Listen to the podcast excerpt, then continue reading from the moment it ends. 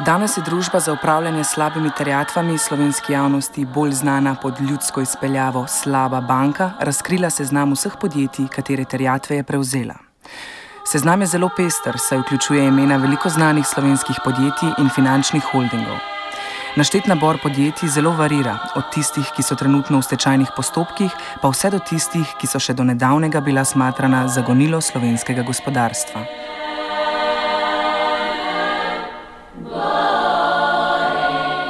Novinarja dnevnika Tomaža Modica smo vprašali, katere so bile poglavitne banke, ki so posojila prenesle na slabo banko.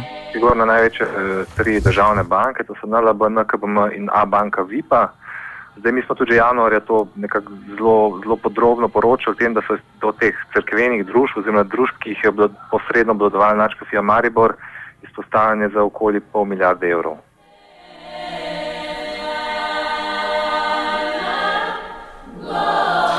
Rešitev slabo banko ni ravno nova, saj so jo izvedli že v nekaterih drugih evropskih državah. Reševanje prezadolženega zasebnega sektorja se je na to vrsten način loči, lotila že prejšnja vlada.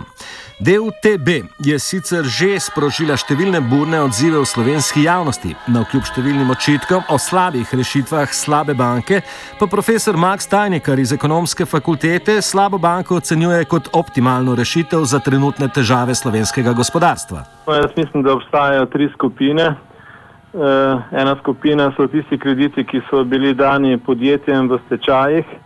In tam seveda slaba banka pravzaprav kaj veliko ne more iztržiti. Eh, tudi mm, usoda teh kreditov v največji meri odvisna v resnici od stečajnih upraviteljev in eh, stroški na tem področju bodo nesporno obremenili davkoplačevalce.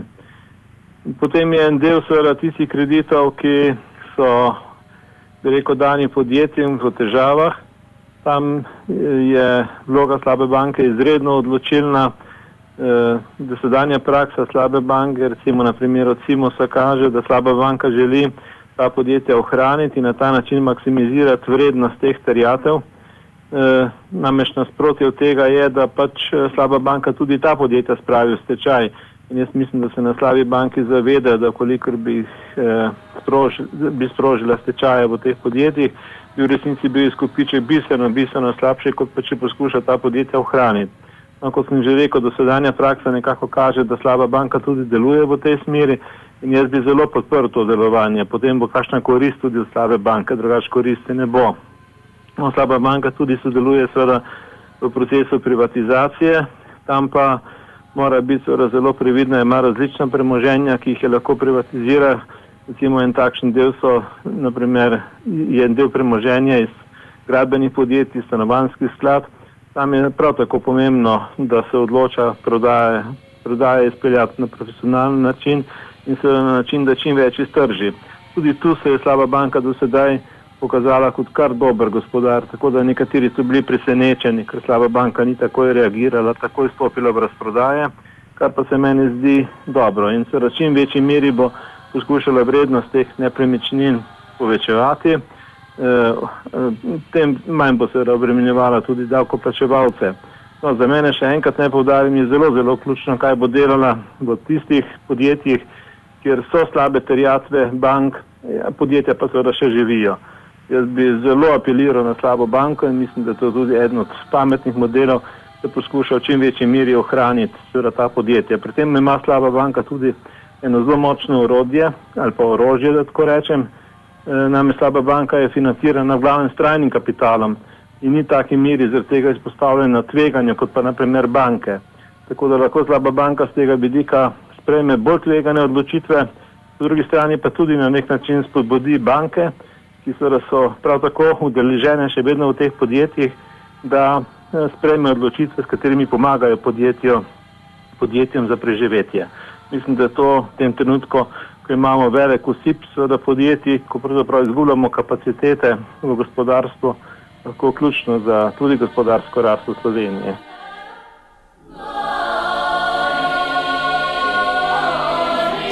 Vendar pa slaba banka ne služi le razbremenitvi podjetjem v težavah. Sodeč po objavljenem seznamu je med slabimi terjatvami kar nekaj takšnih, ki prihajajo od ne preveč šibkih podjetij. Nekatera relativno zdrava podjetja naj bi se borila za uvrstitev njihovih dolgov na seznam slabih terjatov. Max Tajnikar to vrstne poslovne poteze komentira. Ja, sej, mislim, da je to predvsej razumljivo, glede na to, kar sem že povedal. Ne. Očitno je do sedaj se izkazala slaba banka na drugačen način, kot smo prvotno pričakovali. Menili smo, da bo slaba banka na nek način vodila neke razprodaje, eh, bankrote. In, eh, ampak se slaba banka ni pokazala v tej obliki. Ona je v resnici poskušala maksimizirati vrednost tega, teh terjatev, tega premoženja. To pa seveda pomeni, da je poskušala s svojimi denarji, s svojimi zvezami, s svojim vplivom ta podjetja ohraniti pri življenju. Zato verjamem, da številna podjetja, ki imajo težave, vidijo, da je slaba banka za njih boljši rešitelj kot pa banke same ali pa recimo država. Ne? Tako da razumem, da se nekatere podjetja, glede na dosedanjo prakso slabe banke, ne, želijo uh, priti na spisek preko slabe banke. Je pa res, da se v javnosti zelo pogosto ta vloga slabe banke razume na napačen način. Ne. Ampak jaz mislim, da gospodje na slabi banki trenutno zelo dobro odreagira in da je to prava poteza. Treba je ohranjati podjetja, če se le da in seveda zagotavljati jim refinanciranje, kratkoročna financiranja.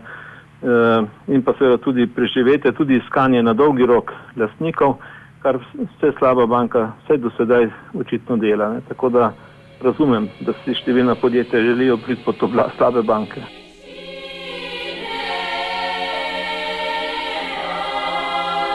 Z rešitvijo, ki jo predstavlja slaba banka, pa se ne strinjajo vsi. Marko Kržani, član inicijative za demokratični socializem, je o smiselnosti sanacije prezadolženega bančnega sektorja preko slabe banke povedal sledeče.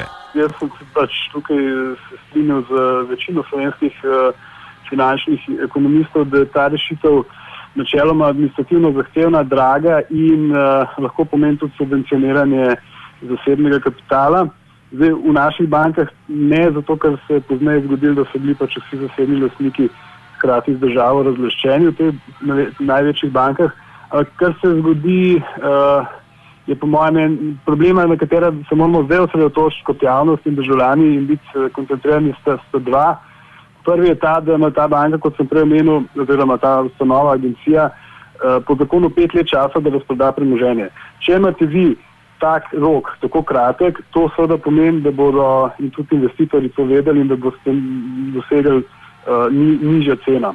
Uh, in to je zelo naravna situacija, ker seveda vse razlike med vrednostjo prodanega premoženja in med temi obveznicami, ki jih ta agencija izdaja, bomo seveda pokrili državljani. Uh, druga stvar, uh, ki je prav tako uh, moteča pri, pri, pri teh slabih bankah, je ravno to, kar, se, kar, smo, kar smo že enkrat prej, kar so že prej omenila da um, narodna gospodarska škoda, ki se na ta način dela. Ne? Namreč um, ta banka prodaja, oziroma ta agencija prodaja pač najboljšemu ponudniku. Najboljši ponudnik je tle definiran čisto v denarnem smislu, kdo pač v tem trenutku da največ denarja, uh, ne pa tisti, ki lahko pač firmo uh, dolgoročno, um, uh, dolgoročno razvija naprej. Ne? Med absolutnimi rekorderji slabih terjatov v slabi banki se znova omenja nekdanja crkvena holdinga Zvon 1 in 2.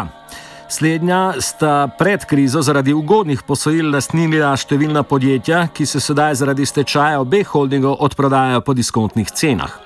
Mehanizem akumulacije dolgov v obeh holdingih razloži Modic.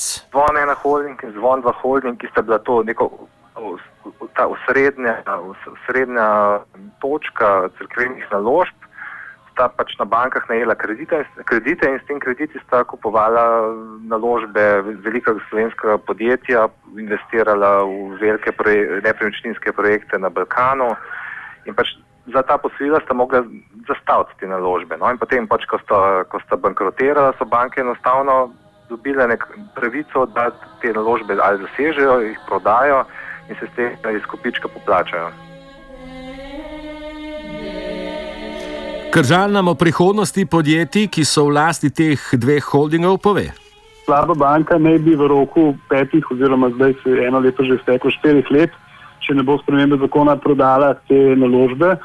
Um, kupci pač bodo firme, pretežno iz tujine, z asistenco domačih kapitalistov kot posrednikov, ki bodo pač imeli nek interes. Ta interes je različen od podjetij. Pri slabih podjetjih bo ta interes, naprimer, to, da kupiš zelo poceni in da stodaš nepremičnine in tako naprej.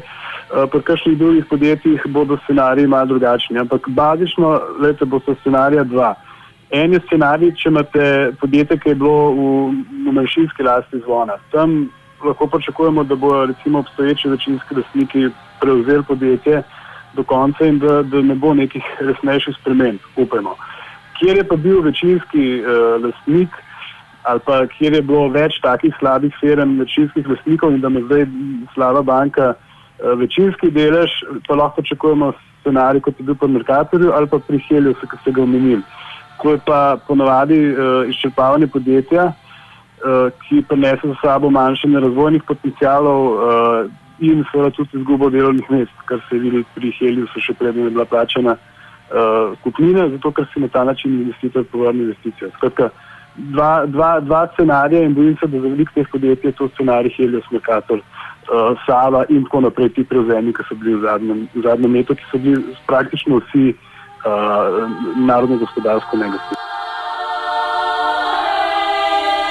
Novinarja Modica smo vprašali, kako je mogoče, da so podjetja na seznamu slabe banke v času pred krizo sploh lahko dobila takšne predimenzionirane kredite, katerih na to niso mogla odplačati. Bankam je bilo v interesu, da čim več posojajo, ker so pač na drugi strani imeli pocen vir financiranja v tujini in s tem, ko so oni več posojali, so imeli više bilančne vsote, so imeli več kreditov, ki so prinašali večje prihodke in pač tudi sami so imeli više dobičke in večje bonuse.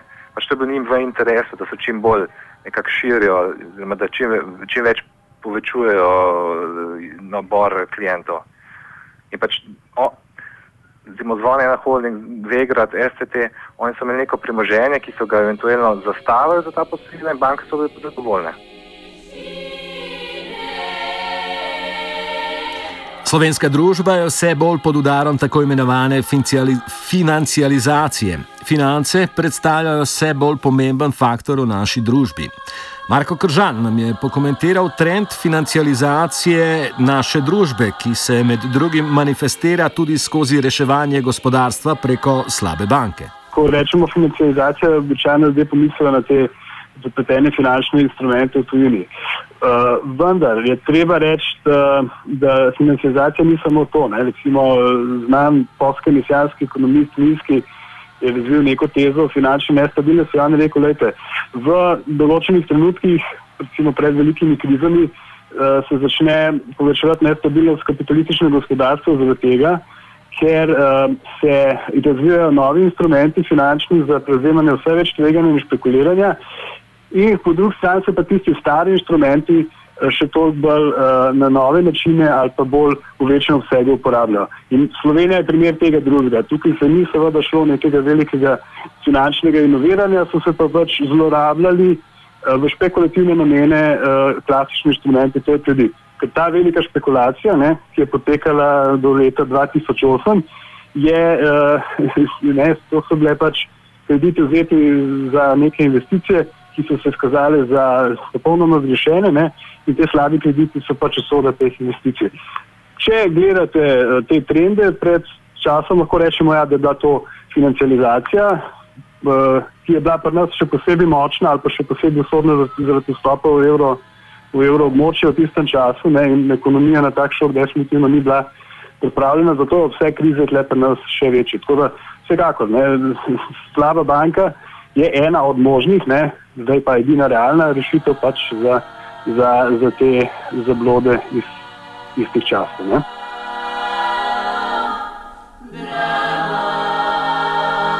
Za konec smo modice vprašali, ali je že znano, za kakšno ceno so se prenašale slabe terjatve in kdo bo delil breme terjatov, ki se jih ne bo mogoče elegantno odkrižati. Zvon ena holding in zvon dva holding, ki sta bila to neko ta osrednja, osrednja točka crkvenih naložb, sta pač na bankah najela kredite, kredite in s tem krediti sta kupovala naložbe velikih